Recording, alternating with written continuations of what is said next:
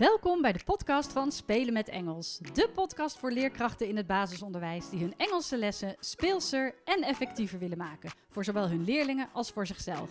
Mijn naam is Lauren Salomons en ik vertel je alles wat je wil weten over Engels. Hoe bedenk je inspirerende, afwisselende en communicatieve lessen? Hoe zorg je ervoor dat al je leerlingen betrokken zijn en blijven? Hoe wordt en blijft Engels een vast onderdeel van jullie onderwijsaanbod? Kortom, alles wat je wil weten over Engels op de basisschool. Ik wens je veel plezier met luisteren. Hoi, een nieuwe podcastaflevering van Spelen met Engels. Deze keer niks over werkvormen, uh, Engels in jouw groep. Ik ga je niks vertellen over methodes, woordjes leren, je lessen voorbereiden. Ik heb geen interview met een VVTO-coördinator. Kortom, het gaat helemaal niet over Engels, maar het gaat wel over mij, want ik wil graag iets persoonlijks met je delen. En de podcast leek mij een mooie manier om dat te doen. En dan zal ik het ook later via social media delen. En de reden waarom ik dit uh, persoonlijke nieuws met je wil delen, is omdat ik erin geloof dat je vooral authentiek moet zijn. Dat zeg ik eigenlijk ook altijd in mijn trainingen, op de eerste trainingsdag en ook in de eerste online cursus. Als je die gevolgd hebt, dan zul je dat wel herkennen. Wees vooral jezelf. Ik denk dat leerlingen het aanvoelen als je dat niet bent. Um, en ik denk dat het daarom ook heel belangrijk is dat je jezelf laat zien zoals je bent, met al je onzekerheden, fouten, mislukkingen, ik weet het niet. En dan gaat het in de training en in die online cursus natuurlijk vooral over Engels. ben je onzeker over je eigen taalvaardigheid? Denk dan niet, laten we een vakleerkracht inschakelen, dan ben ik er vanaf. Maar probeer uit je comfortzone te stappen of uit je paniczone te stappen. En ga in die learningzone en zeg tegen je leerlingen dat jij het ook lastig vindt om Engels te spreken, maar dat je het toch gaat doen. Dus laat vooral jezelf zien en dat wat je lastig vindt. En dan geef je daarmee, denk ik, alleen maar het goede voorbeeld aan je leerlingen. Doordat zij dan denken: oh, maar als de juf of meester het lastig vindt om Engels te spreken en ze doet het toch, dan ga ik dat ook maar doen. Dus daar, daarmee geef je eigenlijk een heel duidelijk uh, voorbeeld. Nou, is niet zo dat ik wil zeggen dat ik nu een voorbeeld wil stellen. Maar als ik in mijn trainingen zeg dat, uh, dat je vooral jezelf moet zijn. Dat je Engels moet geven op een manier die bij jou past. Hè? Met, met prentenboeken, met liedjes, eh, met muziek, met, um, nou ja, met, met toneel, noem maar op dan vind ik het belangrijk dat ik ook in mijn bedrijf laat zien wie ik ben en dat ik dat altijd op een manier blijf doen die bij mij past. En uh, spelen met Engels is nu eenmaal Lauren en andersom. Um, en natuurlijk heb ik in de social media al eerder persoonlijke dingen gedeeld, zoals bijvoorbeeld het overlijden van mijn vader in juni. Um, nou, daar, daar weten de meesten wel van. En daar heb ik ook heel veel uh, fijne reacties op gehad. Nou is het niet zo dat ik het doe voor de reacties. Dat maakt mij niet zo heel veel uit. Hoewel dat natuurlijk ook wel fijn is om, om wat medeleven te krijgen. Maar dat is niet de reden waarom ik dat doe. De reden is vooral omdat ik vind, ja, het is een, hè, spelen met Engels ja, is een stukje van wie ik ben. En dat wat er op dat moment in mijn leven speelt, kan invloed hebben op mijn bedrijf. In dat geval gaf ik bijvoorbeeld minder snel antwoord op mailtjes die ik, um, die ik binnenkreeg.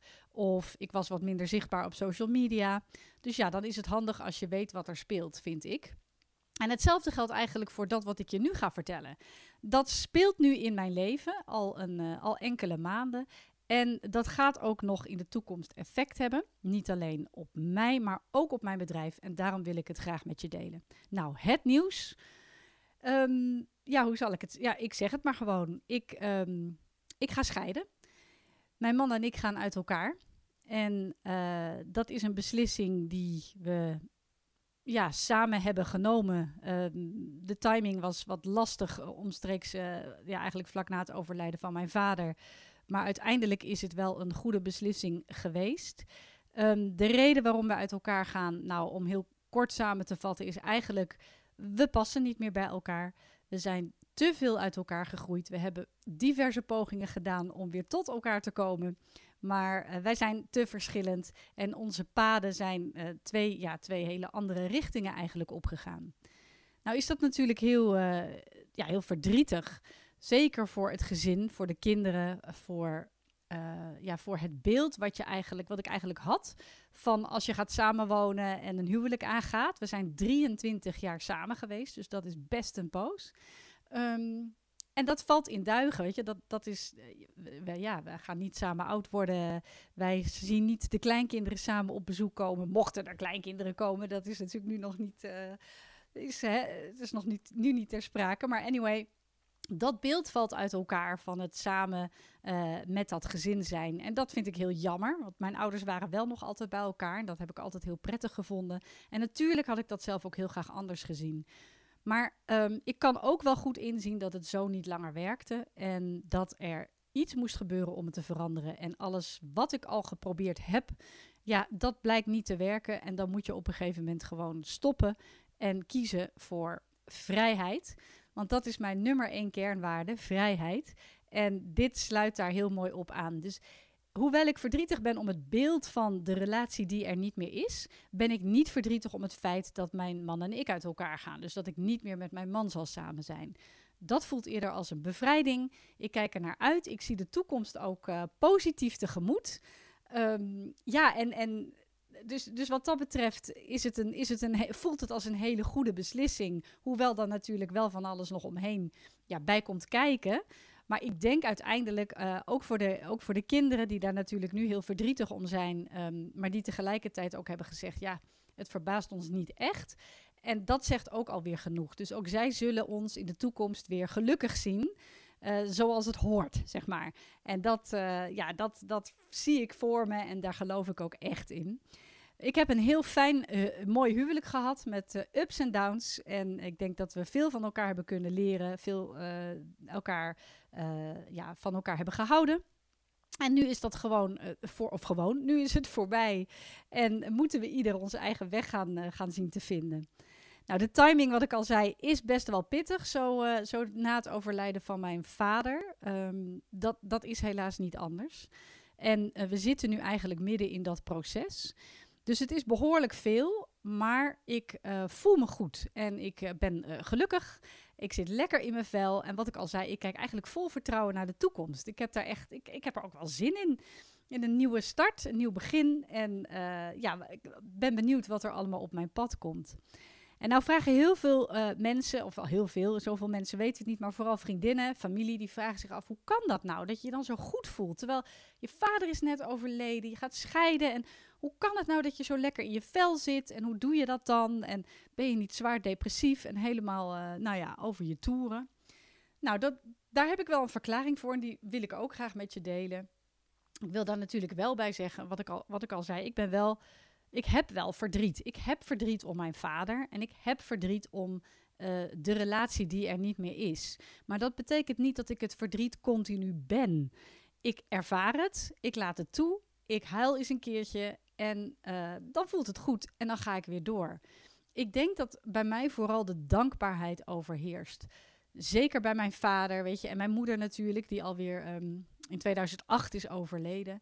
Ik ben dankbaar voor de ouders die ik heb gehad voor dat wat ze me hebben gegeven. Vooral de liefde die ze me hebben gegeven, de warmte.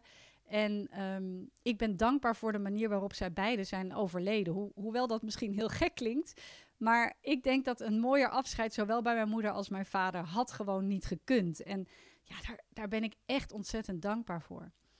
En die, dat gevoel overheerste ook in de periode uh, voor en tijdens en na het overlijden van mijn vader. Er was heel veel verdriet, maar er was ook heel veel dankbaarheid. En ik ben dankbaar voor mijn zus, met wie ik dit allemaal samen heb kunnen doen en nog steeds doe.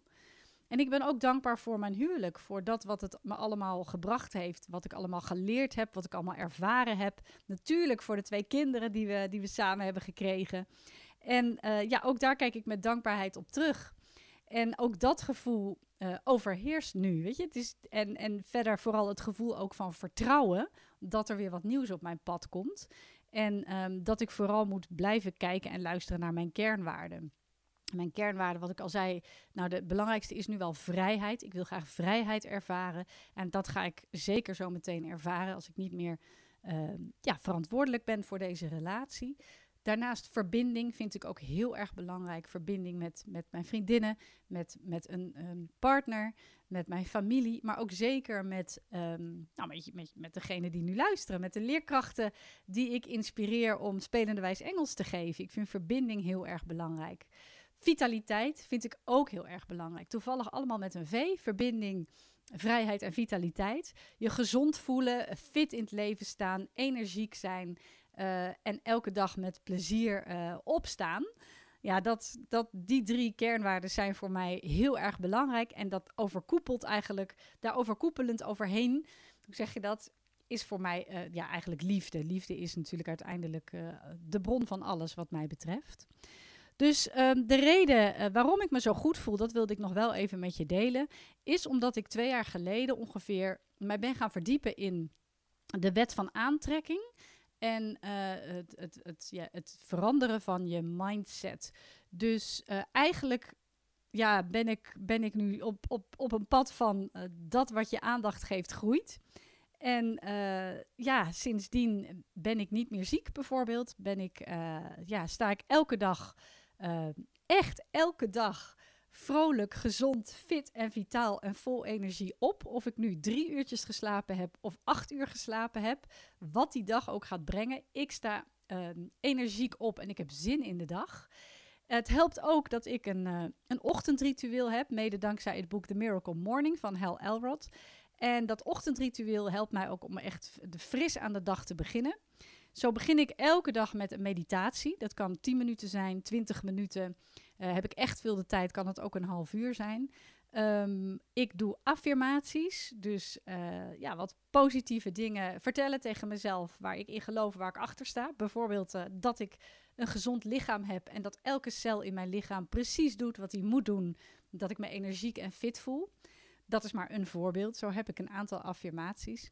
Um, ik probeer, en dat doe ik ook ja, eigenlijk wel zeker zes, vijf of zes van de zeven dagen, een kwartier te hoepelen. Zet ik een podcast op met uh, ja, gewoon een inspirerende podcast over persoonlijke ontwikkeling. En um, vaak doe ik ook nog visualisaties. Dus waar kijk ik naar uit? Wat, wat voor doelen heb ik nog? Um, hoe zie ik mezelf in de toekomst? nou, dat soort dingen. Nou, verder wandel ik natuurlijk heel veel, uh, zowel met de hond, maar ook zonder. Uh, dan kan ik wat steviger doorlopen. Ik sport drie à vier keer in de week. Dat helpt mij ook heel erg veel. En um, dat varieert in, in fitness tot gewoon lekker yoga of body balance of, of yin yoga. En ik sluit de dag ook altijd weer uh, in een soort van ritueel af. Maar dat ritueel is vrij eenvoudig, namelijk ik schrijf op waar ik die dag dankbaar voor was. En nou, dat moet ik me echt beperken. Want sinds ik dat doe, dat is dus ook sinds twee jaar.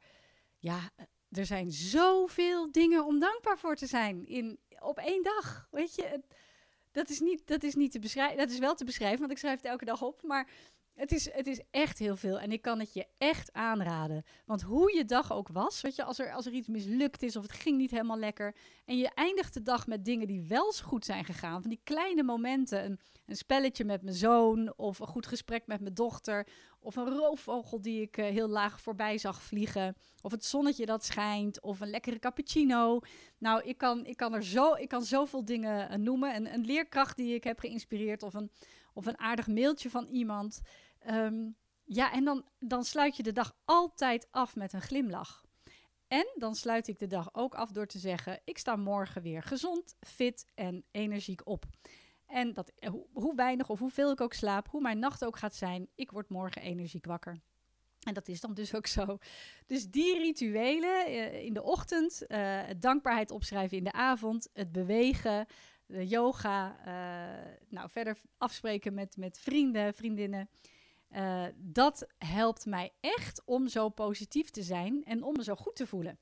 Dus um, ja, als vriendinnen dat vragen, dan denk ik ook af en toe wel van: oh ja, dat kan toch niet dat ik me zo goed voel. Want mijn vader is net overleden en ik, ik ga scheiden en ik weet nog helemaal niet waar ik ga wonen zo meteen. En, maar het is echt zo. ik kan er ook niks aan doen. Van binnen ben ik echt, uh, echt gelukkig. Uh, voelt het gewoon goed.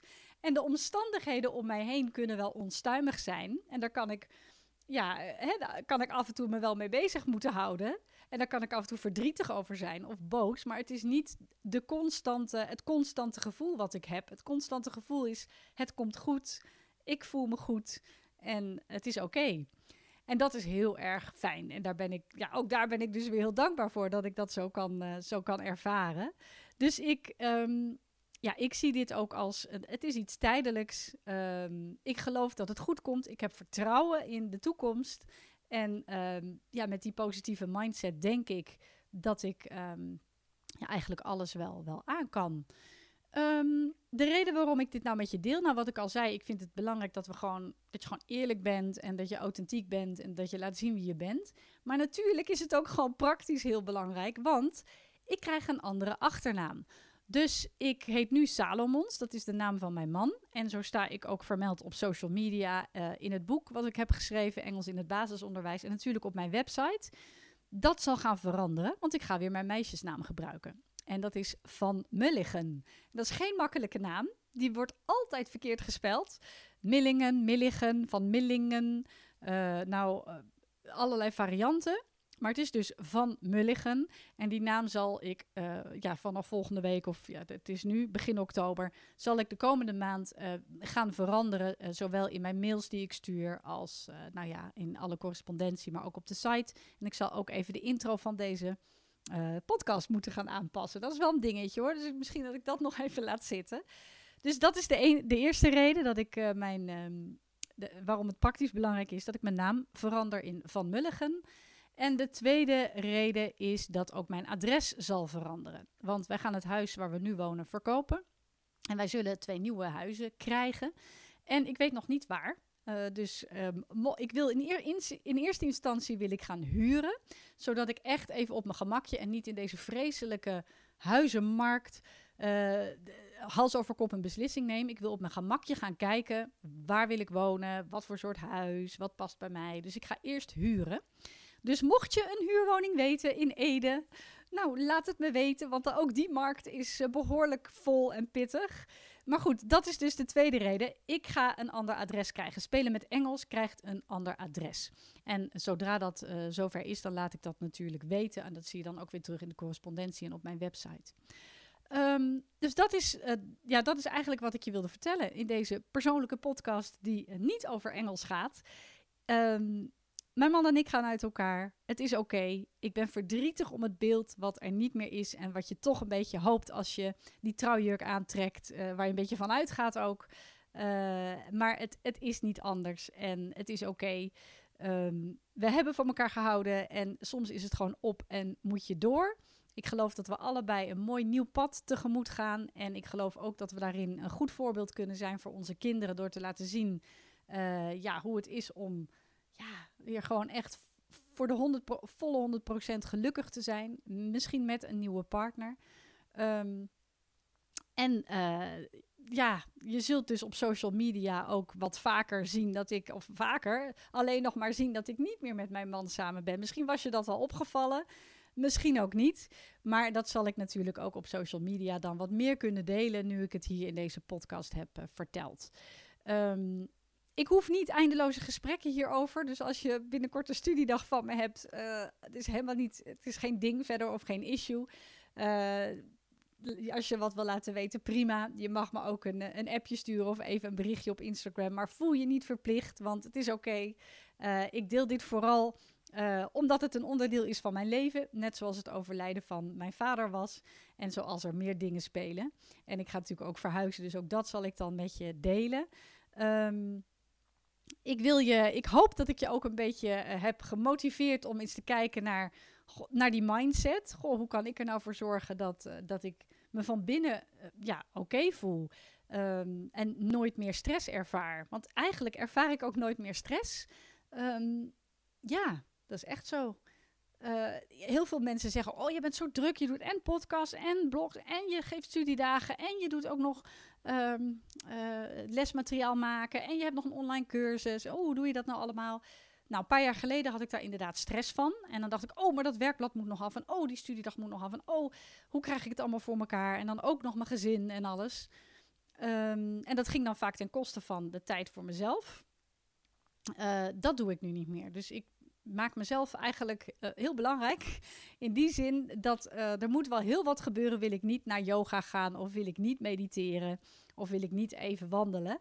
Um, ik weet dat die momenten gewoon heel belangrijk voor mij zijn. Juist om mijn werk uh, zo ontspannen mogelijk te kunnen doen.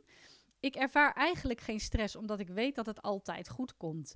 Ik weet dat ik de studiedagen goed kan voorbereiden. En als de werkbladen van Jobs uh, niet helemaal op tijd af zijn, dan is dat zo. Dan zet ik het lesmateriaal vast online en de werkbladen komen dan later wel. Uh, ik stel mezelf niet meer zulke strakke deadlines, hè, dat, het, dat het allemaal perfect moet. Het komt zoals het komt. En als het dan niet zo is, zoals dat ik nu al heel lang geen blogs meer heb geschreven vanwege tijdgebrek, ja, dan is dat zo. En een jaar geleden of twee jaar geleden, nou misschien iets langer geleden, zou ik daar dan helemaal, oh, ik heb al zo lang geen blog meer, dan zou ik daar helemaal gestrest over zijn. Dat heb ik nu niet meer. Het is zoals het is. Dus mocht je daar wat van mee willen uh, uh, krijgen, verdiep je eens in bijvoorbeeld de wet van aantrekking in uh, hoe je je mindset kunt veranderen van een wat negatievere naar een veel positievere mindset. En hoe je op die manier ook positieve dingen naar je toe trekt. Dat kan ik je aanraden. Uh, ik wil je hartelijk bedanken voor het luisteren. Uh, in de volgende podcast ga ik weer gewoon het hebben over Engels. Um, en nou ja, tot die tijd, uh, ja, misschien spreek ik je, misschien via social media. In ieder geval, het nieuws is nu eruit. En uh, de volgende stappen gaan gezet worden wat dat betreft. Dankjewel en tot de volgende podcast. Wat leuk dat je luisterde naar deze podcast. Heb je nog vragen? Bijvoorbeeld over het voorbereiden van een les, het uitvoeren van een werkvorm of over Engels bij jou op school? Of wil je misschien meer weten over de studiedagen, de online cursussen en het lesmateriaal dat Spelen met Engels verzorgt? Je kunt me altijd mailen op info@spelenmetengels.nl. En ook op de website, de Facebookpagina en het Instagram-account vind je enorm veel inspiratie. Het is mijn doel om alle leerkrachten in het basisonderwijs met plezier hun Engelse lessen te laten voorbereiden en te geven. Dus als je deze podcast zou willen delen met collega's of op social media, dan stel ik dat enorm op prijs. En vergeet dan niet spelen met Engels te taggen. Nogmaals bedankt voor het luisteren. Heel veel plezier met je Engelse lessen en tot een volgende keer.